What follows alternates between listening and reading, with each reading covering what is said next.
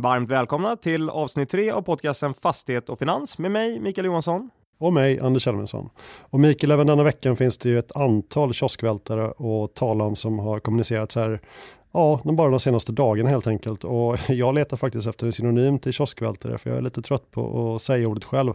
Men jag måste säga Anders att jag gillar faktiskt ordet kioskvältare och jag tror att du kommer få använda det flertalet gånger därför att det kommer vara ett par kioskvältare som kommer hända den här våren i fastighetssektorn. Det är jag säker på. Ja, det finns kanske till och med möjlighet att vi får en liten jordbävning. Ja, till och med en sån sak skulle kunna hända. Men innan vi går in och börjar prata om kioskvältarna som har hänt och de transaktioner vi har sett så har jag förstått det som att du flaggat lite här för att du skulle vilja göra något som jag vill likna vid en pudel. Stämmer det? Ja, nej, men det gör det väl. Jag, jag lever ju i nuet och ni har ju inte ens hört min vanliga röst för jag har ju varit hostig och snuvig här i eh, sex veckor i rad, alltså under inspelningen av samtliga avsnitt. Eh, så i förra avsnittet kanske jag var lite lite väl negativ till eh, min upplevelse av småbarnsåren. Eh, jag beskrev dem som bedrövliga men det är klart under februari månad eller februari för er som inte har barn eh, så är livet lite tufft och i normala fall så är det ju fyllt med glädje att ha barn såklart och så kommer några små åskknallar ibland. Men det vill jag i alla fall få ut där så ni inte tror att jag är en riktigt oskön typ. Självklart ska vi i det här avsnittet avhandla Balders nedgradering till high yield från Moody's. Vi ska också ta några ord på Blackstones finska soppa. Men innan vi kommer in på de bolagsbitarna, Anders, så skulle jag vilja att du tar tag i taktpinnen och pratar lite transaktionsmarknad. Ja men självklart, de senaste tio dagarna har det ju skett en hel del transaktioner på direktmarknaden som vi ska tala om. Men innan vi börjar göra det så skulle jag gärna diskutera lite kring hur köpare och säljare väljer att kommunicera en affär. Om det är eh, en säljare av en fastighet då som kommunicerar ett pressmeddelande så är det ofta så att man kanske är måna om att visa på en hög köpeskilling och eh, det underliggande fastighetsvärdet är ju vad det är. Eh, men däremot kan man ju redovisa ett driftnetto eller en överskottsgrad på, på lite olika sätt beroende på vad man lägger in i den i form av hyresrabatter eller hyresgarantier eller planerat underhåll eller olika typer av tillägg som löper på kort tid från tillträdesdatumet. Och i samma, eh, på samma sätt blir det ju med köparen då när den kommunicerar en affär. Eh, då kanske man omvänt väljer att eh, ta bort vissa delar eh, för att därigenom Eh, redovisa ett lite högre driftnetto och eh, en lite högre avkastning. Eh, så man ska vara uppmärksam på vem som kommunicerar vad och göra sin egen analys. Det är därför jag ofta uttrycker mig med cirkel ungefär när det kommer till direktavkastning och, och även köpeskilling. Så det du säger är att man ska läsa de här pressmeddelandena med ganska kritiska ögon, är det så jag ska tolka det? Nej, inte ganska kritiska, men, men jag tänker ändå att man kanske ska lägga på lite underhåll om det är då en eh, köpare som eh, skickar ut pressmeddelande och om det är en säljare så, så kanske man å andra sidan i vissa fall ska dra bort lite grann eh, för att komma ner till sanningen. Ja, men det låter ju ändå rimligt. Men vilka affärer är det som du tänkte prata om idag då? Ja, men den första som jag tänkte nämna det är Nyfosas förvärv av en portfölj bestående av 13 fastigheter med Eh, dagligvaru och lågprishandel, lager och lättindustri på orter såsom Eskilstuna, Örebro, Linköping, Gävle och Örnsköldsvik. Eh, här var det Stenhus fastigheter som sålde till Nyfosa. Och eh, cirka 70% av hyresintäkterna kommer just från dagligvaru och lågprishandel och resterande del från lager och lättindustri som nämndes. Och eh, dagligvaru och lågprishandel har ju gått bra under hela pandemin egentligen och även under andra halvan av 2022 så det är attraktiva segment. Och total genomsnittlig återstående avtalstid uppgår till 4,4 år och det överenskomna fastighetsvärdet före marknadsmässigt avdrag för latensskatt är 725 miljoner kronor. Och här vill jag ju lyfta att jag tycker transparensen i de kommunicerade affärerna som vi sett här senaste tiden har varit högre. Så det är lättare för eh, samtliga på marknaden, både investerare och fastighetsvärderare att räkna på det här då när man till exempel uppger att det är ett marknadsmässigt avdrag för latent skatt. Eh, men återigen, tillbaka till affären. Det årliga hyresvärdet uppgår till 62,5 miljon. Eh, och det är eh, då från Nyfosas pressmeddelande. Så eh, lägg på en liten eh, peng för eh, planerat underhåll.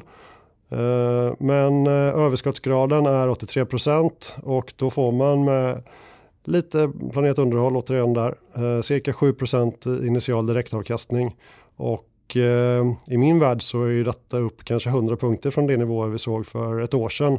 Och jag förstår ju att Nyfosa lockas tillbaka till sina forna jaktmarker då Finland under många år stått centrum till följd av de höga priserna här i Sverige. Nyfosa är ju, eller beskrivs ju som en ganska opportunistisk köpare och det är ju så de beskriver sig själva också vill vara. Snabbfotade som kan göra egentligen affärer i alla segment, i alla regioner. Så det känns ju som den här affären träffar ganska rätt i deras strategi. Ja men verkligen.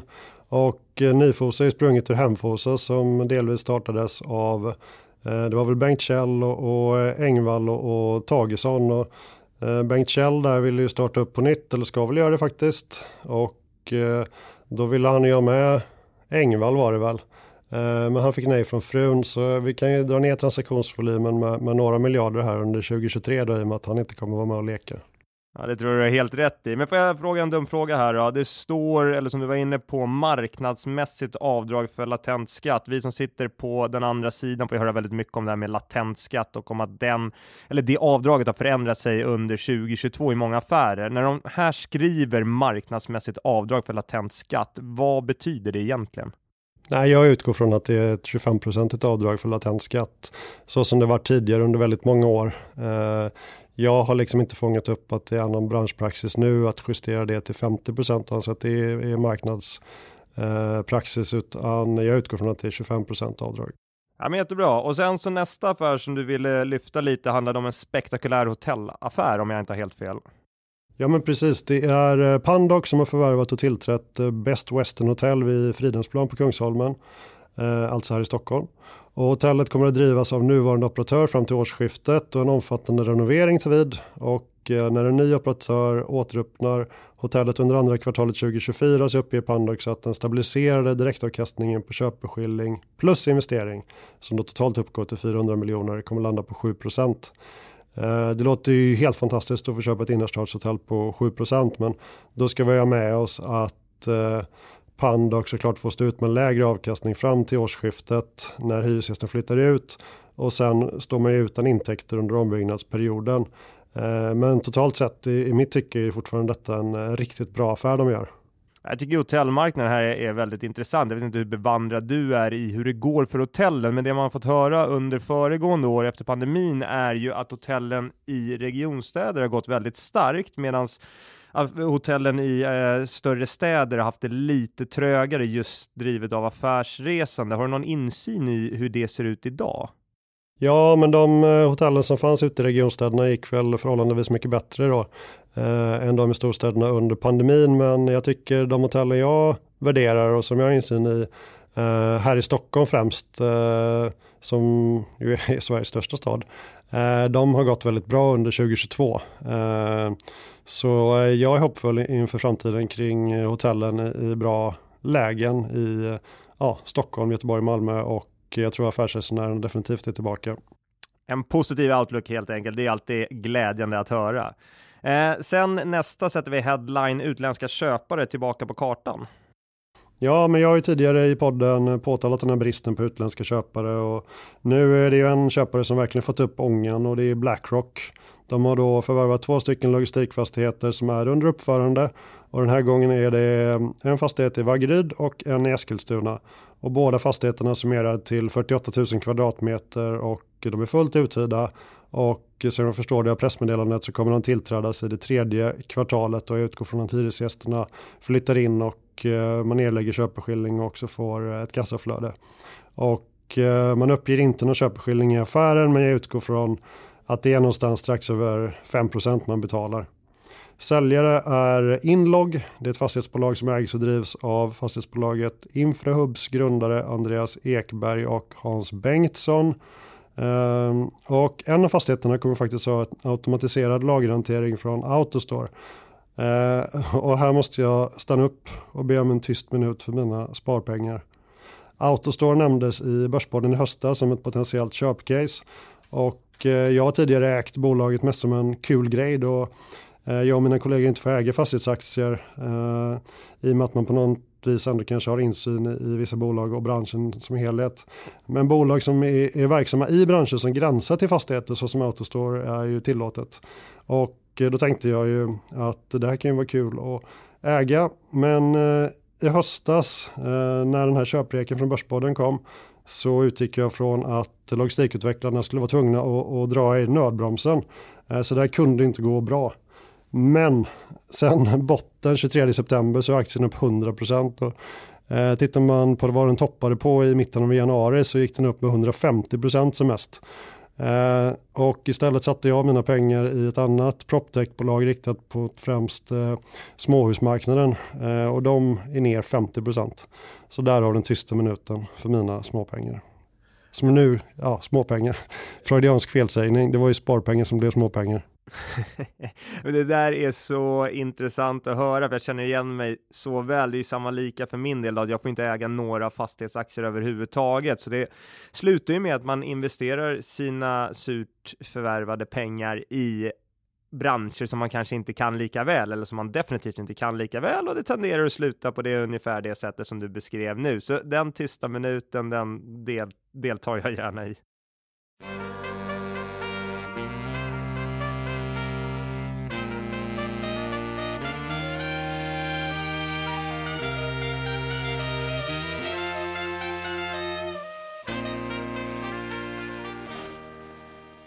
Fastighet och Finans är även denna vecka inspelat i samarbete med Fastighetsvärlden. I snart 40 år har Fastighetsvärlden genom konferenser, magasin, nyhetsbrev och hemsida levererat marknadsledande nyhetsbevakning av Sveriges bygg och fastighetsbransch.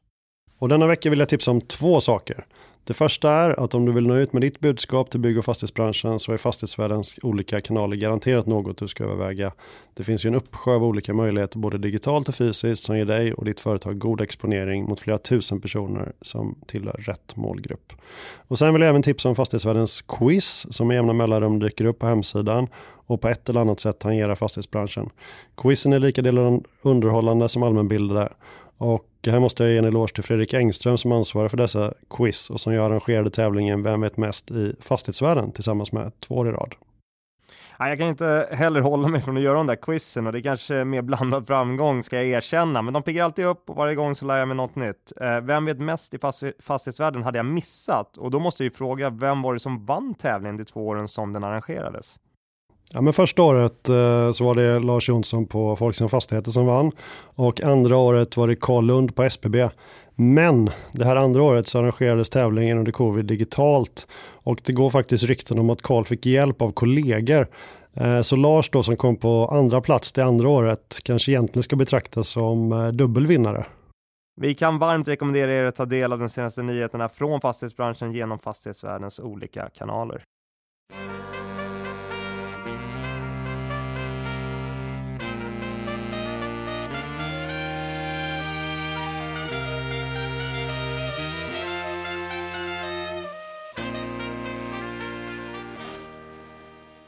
Denna veckan har det ju hänt väldigt mycket spännande Mikael som jag är superintresserad av att höra din take på. Eh, vi kan börja med den här Blackstone-soppan i Finland. Eh, som jag förstår det så är obligationsägarna till en obligation som bolaget ställer ut i samband med utköpet av Sponda från den finska börsen sagt nej till villkoren som Blackstone erbjöd i samband med obligationen löpte ut. Stämmer det? Och vad är status? Ja men precis, vi kan väl börja med att eh, poängtera en sak här och det här är ju inte en traditionell obligation, alltså en listad obligation, utan det här är vad man kallar för en CMBS, och ska jag försöka säga det här eh, Commercial Mortgage Backed Security, var kanske inte så svårt att säga. Eh, så det här är en typ av transaktion som inte är jättepublik i termer av den informationen som finns tillgänglig. Eh, det man kan säga, det var sitt Citigroup och Morgan Stanley som gav ut den här 2018, eh, 531 miljoner euro. Och så som jag har tolkat situationen så har alltså Blackstone försökt förlänga lånet. Jag ska säga det också, lånet är ju via Sponda som är ett bolag som Blackstone äger. Så man har i Sponda försökt förlänga det här lånet, alltså bett långivarna som var totalt någonstans runt 70 stycken om inte jag läste fel, att förlänga lånet så att man skulle kunna avyttra tillgångar i den här portföljen som man har använt som säkerhet för att då få in likvid och betala tillbaka lånet. Och det är alltså den förlängningen som man nu har sagt nej till. Och från Blackstones håll så kommenterade man att den här skulden är kopplad till en liten del av Sponda-portföljen alltid en definitionsfråga kanske man kan säga med 531 miljoner euro och en portfölj på 800 miljoner euro tror jag att den var värd ungefär. Ja, då är det ju en ganska stor del. Ja, det är en ganska stor del. Och jag pratade med en person kort här idag som har ganska god insyn i den här typen av, av situationer. Och hans eh, take på det hela, det var egentligen att han skulle inte alls bli förvånad om Blackstone bara väljer att, eh, om vi ska säga walk away, att man släpper den här portföljen med tillgångar och att då långivarna, som också vi ska vara tydliga med här, eh, det är inte en traditionell obligation. Här har vi, om det var sex eller sju trancher i lånet, så du är, har olika eh, nivåer av säkerhet prioritet, alltså att du ligger i olika eh, ett kösystem helt enkelt, där du ligger från, från första prioritet till lägst prioritet. Då. Och eh, han skulle inte alls bli förvånad om det är så att man väljer att släppa tillgången och att de då får försöka realisera panterna som ligger i, i portföljen. Men det skulle ju innebära att det blir en fläck på Blackstones rykte, eller?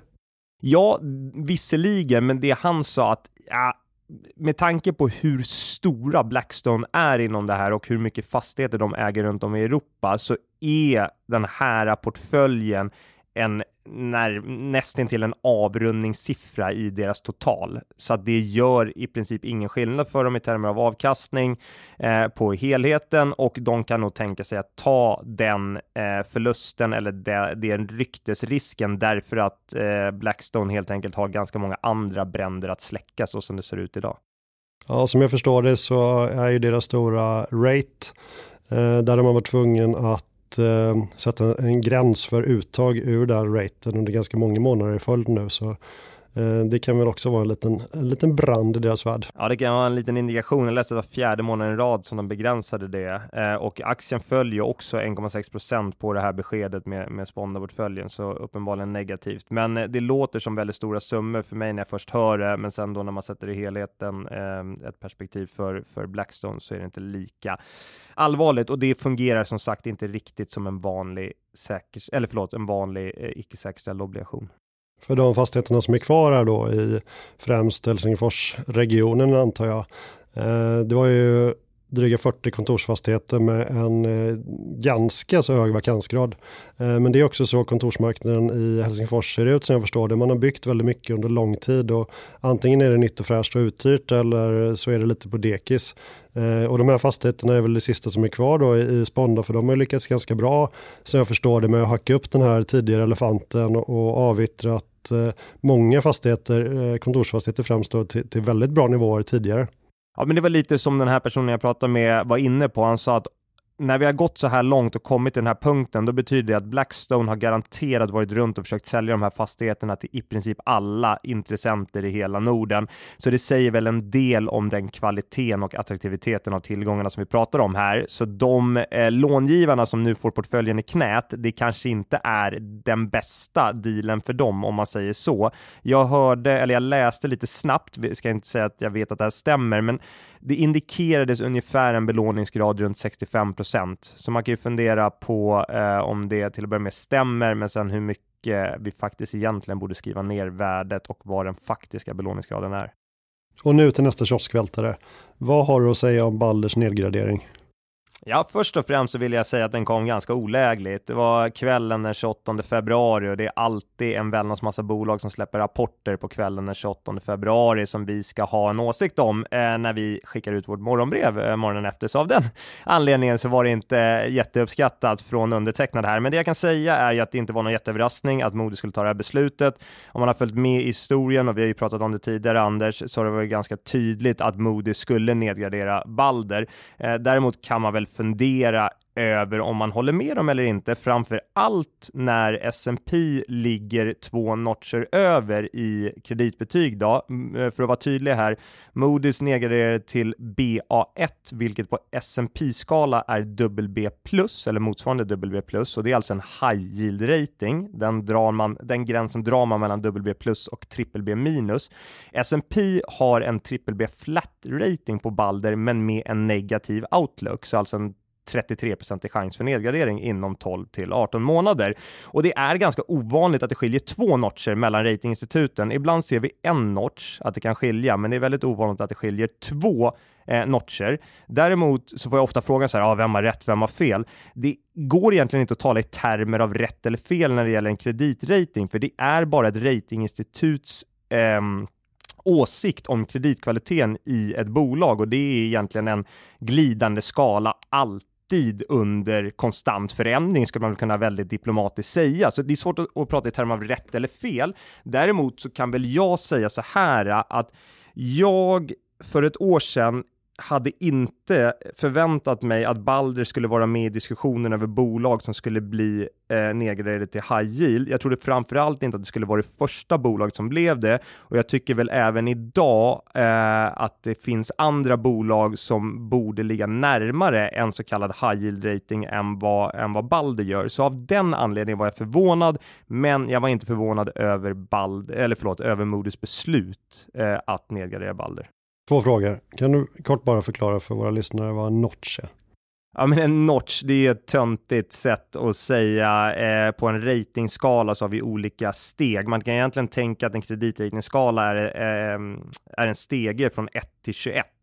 Så om ni tänker att man börjar att en 1 är det högsta kreditbetyget du kan ha och det lägsta är 21 och så går du där mellan steg 2 och 3, då säger man att det skiljer en notch i kreditbetyg. Så det är egentligen så det motsvarar. Och sen den andra frågan, du hade förväntat dig eller trott att eh, det skulle vara andra bolag som eh, var före att nedgraderas till high yield. Eh, något exempel där? jag vet inte om det är så populärt att jag börjar highlighta bolag, men det är väl i och för sig ingen hemlighet att det är klart att bolag som ligger med en negativ outlook på triple B minus har lite kämpigt och riskerar att bli nedgraderade.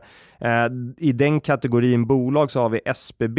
Jag har väl en tro om att de har en ganska god möjlighet att klara sig nu efter de försäljningar de har gjort, men ändå ett bolag som riskerar. Vi har Citycon som ligger där med en triple B minus rating och negativ outlook. Vi har även fastpartner som balanserar på gränsen mellan high yield och IG. Och det här kallas faktiskt, Anders, kan du få lära dig en till sak, att när man blir nedgraderad från investment grade till high yield, då är man en fallen angel heter det. Så Balder är numera en fallen angel. Och det som är lite intressant också som vi borde komma in på, det är vad betyder det här för Balders instrument? Om vi tittar på aktien och om vi tittar på obligationerna. Och här hade jag fel. Jag trodde att jag skulle få en ganska stor eh, implikation på prissättningen i, i både aktien och i krediten. När Moody's kom med en watch downgrade i oktober, då gick aktien ner 8% den dagen.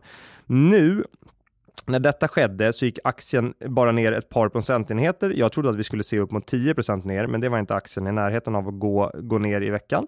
Och sen i kreditmarknaden så är det så att Balder har faktiskt tajtat ihop cirka 400 punkter, vilket är jättemycket i termer av kreditspread sen november och då trodde jag när det här beskedet kom att man skulle handla isär Balder ganska mycket.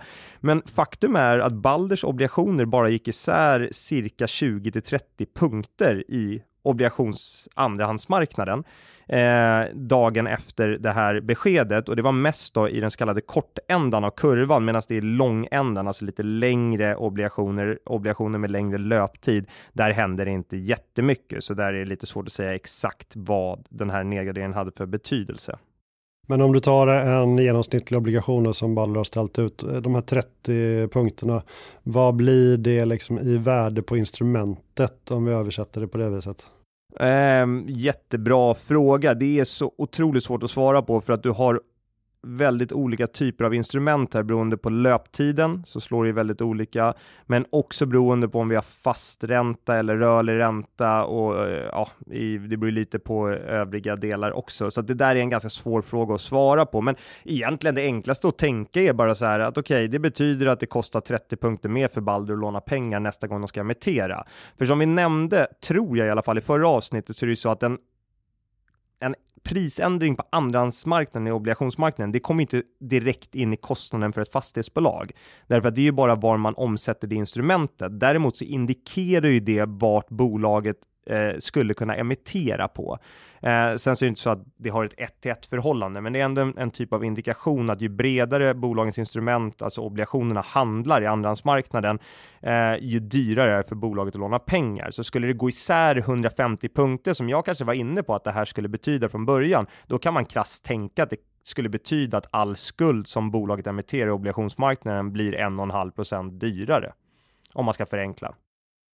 Ja, och gå isär det med 150 punkter, det är alltså att eh, du får betala ytterligare 150 punkter då. Eh, men även innan det här beskedet så var det väl inte aktuellt för Balder att gå ut och emittera nya obligationer med tanke på de spreadarna som då låg ovanpå den riskfria räntan, antar jag. Nej, eh, du har helt rätt i det. Det är Erik Selin pratar väldigt mycket om i deras earnings calls efter rapporter att man har möjlighet att ta stora delar av förfallen närmaste två åren i alla fall in i banksystemet. Så det tror jag var planen. Så på kort sikt behöver inte det här få någon jättestor påverkan där. Däremot ska man ha med sig att även banker i sin prissättning när de lånar ut pengar till fastighetsbolagen tar hänsyn till ratingbetygen och det kan i alla fall påverka prissättningen på bankutlåningen till till bolagen. Så att det här har en långsiktig potentiell påverkan för Balder. Den är lite svår att säga eh, med exakthet hur det kommer påverka givet att de faktiskt har två olika ratingar idag där den ena fortfarande är investment grade. Min uppfattning är att de flesta fondförvaltarna som har i sina fondbestämmelser vad de får och inte får äga, om det finns en sån klausul som är uppdelad mellan ett investment grade bolag och eller ett investment grade instrument och ett high yield instrument måste gå på den lägsta av de två ratingarna. Så jag skulle vilja säga att den dagen Balder kommer tillbaka till obligationsmarknaden och vill emittera en obligation så skulle det här kunna få betydelsen att dels såklart att deras obligation är dyrare än vad den annars hade varit för bolaget då, men även att de inte kan hämta lika stor volym. Ofta, eller ofta, det är så att IG-bolag, då, de som har en investment grade rating, de kan emittera större obligationer normalt än vad ett high yield-bolag kan. Om eh, Mikael Johansson, det stora oraklet från Arctic Security, skulle ge Erik Selin tre goda råd kring hur han skulle komma tillbaka in i värmen hos Moody's, vilka skulle de tre råden vara? Ja du Anders, det var en väldigt bra fråga. Jag tror att hans eh, första eller största misstag som man måste försöka reparera som blir svårt, det är ju hur han valde att säga upp samarbetet eh, 2018-2019 där, eh, när han kritiserade kvaliteten på eh, analytikens arbete om jag inte missminner mig och kvaliteten på kreditratingen. Jag tror att det skulle vara bra att försöka reparera den Eh, relationen till att börja med. Men sen handlar det faktiskt om att ta ner skuldsättningen. Balder har under ganska lång tid haft en ganska hög skuldsättning jämfört med många andra investment grade-ratade bolag. Sen kan såklart skuldsättning räknas på olika sätt, men nästan oavsett vilket nyckeltal vi använder där så har Balder haft en högre skuldsättning än likasinnande bolag. Eh, visserligen skulle man kunna hävda att de kan ligga med lite högre skuldsättning givet att de har en stor andel bostäder, så då försöker man acceptera en högre skuldsättning. Men eh, även här så har väl både Moody's och S&P haft vissa åsikter om att man borde eventuellt ta ner den belåningen något. Så det är nog nästa steg och det är det jag tror att ni såg när Balder nu kom ut med ett nytt eh, nyckeltal då, som de ska använda som, eh, som mål att nå, då, eh, vilket var en mot ebitda, alltså nettoskuld mot intjäning, som man vill eh, ska ligga under 11 gånger och det betyder, om man ska översätta det till vad Balder måste göra, eh, ta ner skulden i absoluta tal ganska rejält för att man kommer inte kunna växa intjäningen tillräckligt mycket för att ta ner det nyckeltalet till 11 gånger. Vad finns det för möjligheter tror du att avyttra kollektorinnehavet eller kanske sälja iväg eh, Entra-innehavet till eh, Castellum? Erik Selin tenderar att inte vilja sälja saker det är inte riktigt hans affärsidé. Eh, jag tror inte att han kommer vilja sälja Entra-innehavet och jag tror inte att han kommer vilja sälja Collector-innehavet. Eh, men det är klart att när jag sitter och tittar på det från utsidan så känns det som att det mest naturliga skulle vara att börja städa upp i det här ägandet i andra bolag och faktiskt renodla verksamheten till att fokusera på Balder och fokusera på deras ägande i fastigheter. Jag håller väl fast vid att jag fortfarande tror att Balder långsiktigt, att deras mål är att göra med Entra som man har gjort med Satto, alltså att äga över 50% i det bolaget så att man kan konsolidera in det helt i sina egna siffror.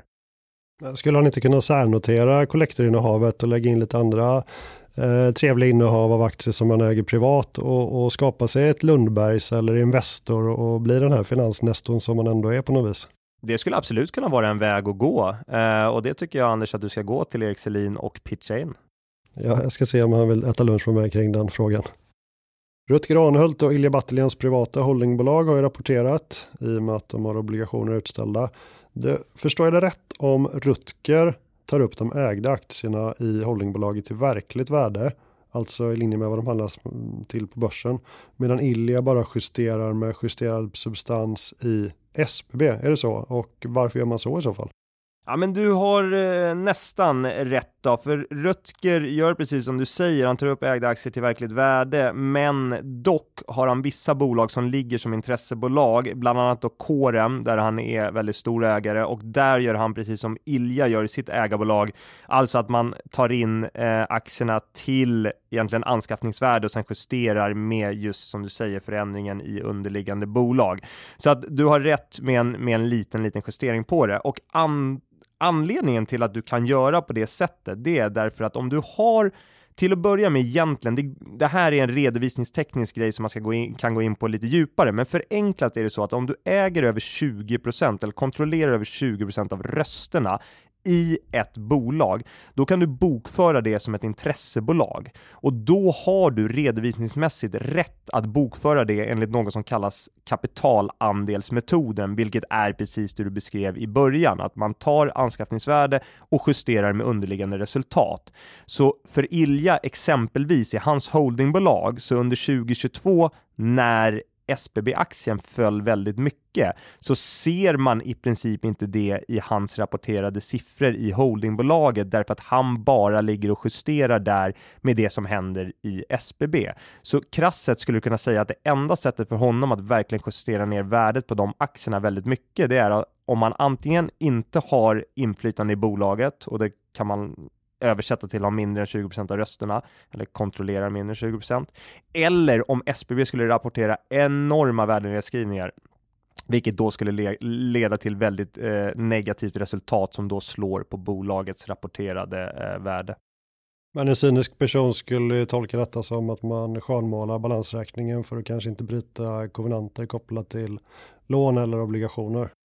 Och en cynisk person har ju en viss poäng i det. Eh, det här var ju väldigt, eh, givet den utveckling som varit, har det varit väldigt fördelaktigt för både Rutger och Iljas ägarbolag att så är fallet, för de har kovenanter baserade på bokförda värden snarare än verkligt värde, vilket gör att de i deras obligationsvillkor har en väldigt liten risk för att bryta dem, eh, eftersom det då inte har att göra med verkligt värde, medan om vi skulle räkna de här nyckeltalen baserat på verkligt värde, då skulle det se väldigt mycket tuffare ut i termer av lånekonvenanter för både M2 Asset Management som är Rutgers bolag och Ilja Invest som då är Iljas bolag. Och då blir den uppenbara följdfrågan, hur pressade är Ilja och Rutger i sina ägarbolag? Ja, men eh, I Iljas ägarbolag så är det så att han har ju egentligen två stora låneförfall. Det ena är en icke säkrad obligation och det andra är en hybrid och de här förfallen ligger en bit bort. Och som vi pratade om i förra avsnittet så valde alltså SBB att höja utdelningen med 9% och det gör ju att Ilja i sitt ägarbolag får upp ganska mycket utdelning. Sen har han pratat om att han eventuellt ska ta det i aktier istället. Eh, det här som de var inne på och att man ska erbjuda sina aktieägare möjligheten att få nyemitterade aktier istället för cash.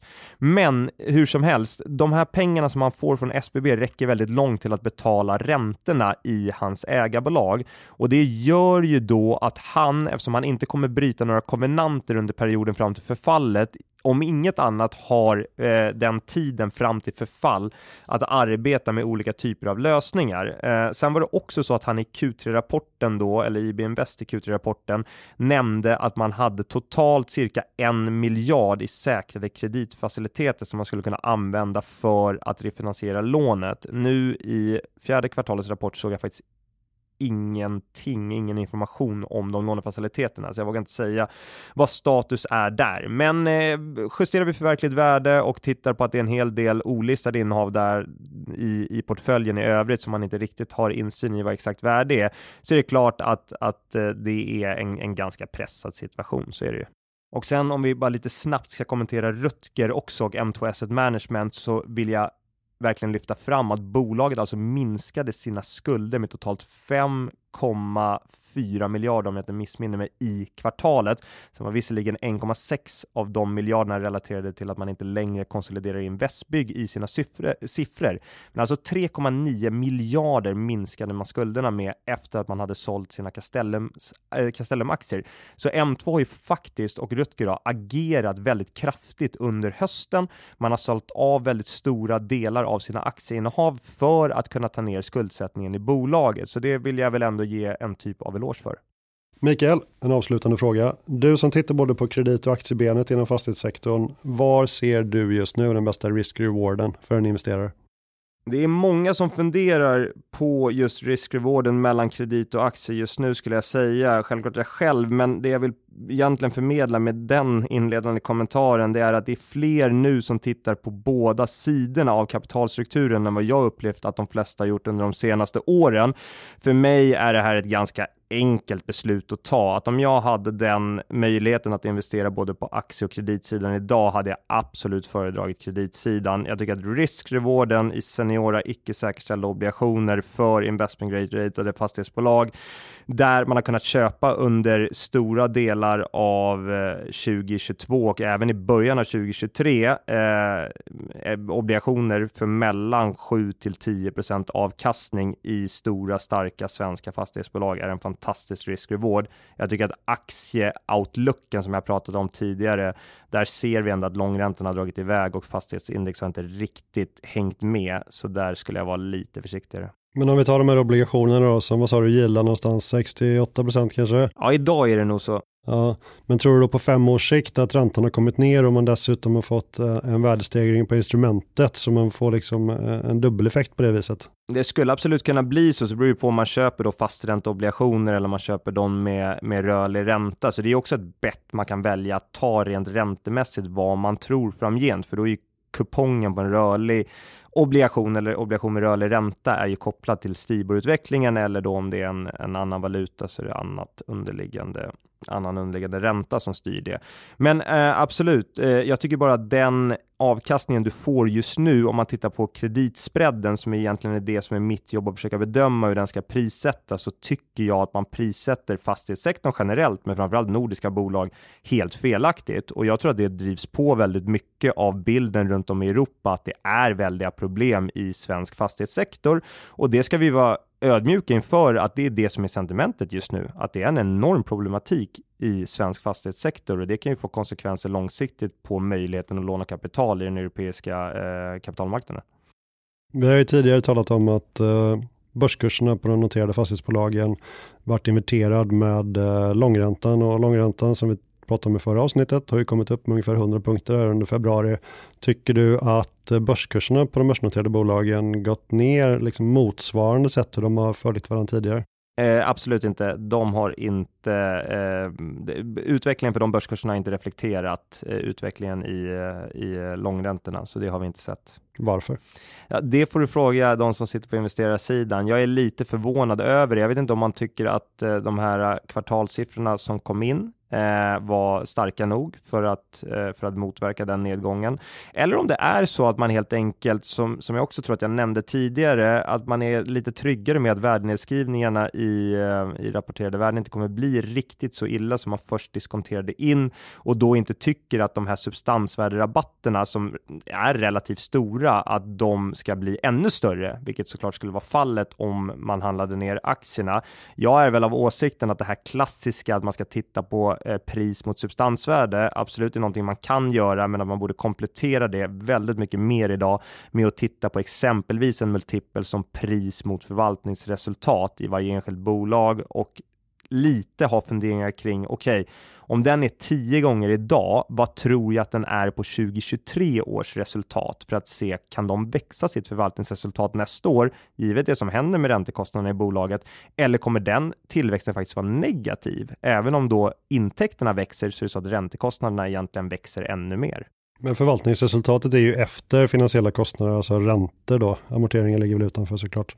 Eh, men är det egentligen något bolag som har bundit upp eh, både kapital och ränta under hela 2023 i princip som inte kommer få ett negativ, en negativ utveckling på förvaltningsresultatet under 2023. Nej, men det finns absolut bolag som har jobbat med en lite längre räntebindning och, och om vi ska göra det väldigt kategoriskt kan vi säga det att det är de kreditstarkaste bolagen, inte helt oväntat, som har valt att binda sina räntor längre.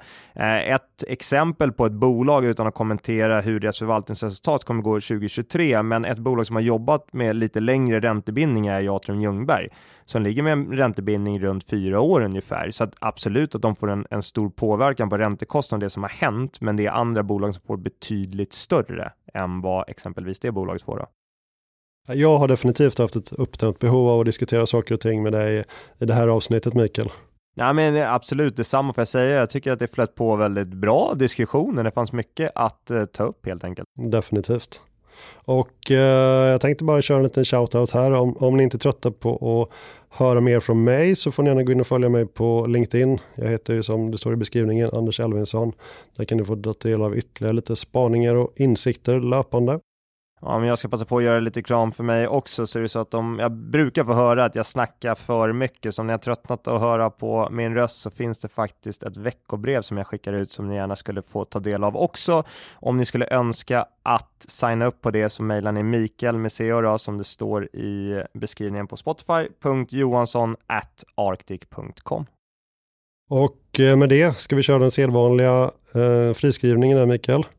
Ja, det passar väl bra, vår lilla disclaimer att allt som vi har sagt idag, Anders, det ska inte tolkas som en köp eller säljrekommendation i något finansiellt instrument. Och har ni någon generell synpunkt eller fundering eller förfrågan om samarbete så skickar ni det till fastighet finans podcast at gmail.com. Ja men lysande, då sätter vi punkt för det tredje avsnittet där. Ha det gott allihop!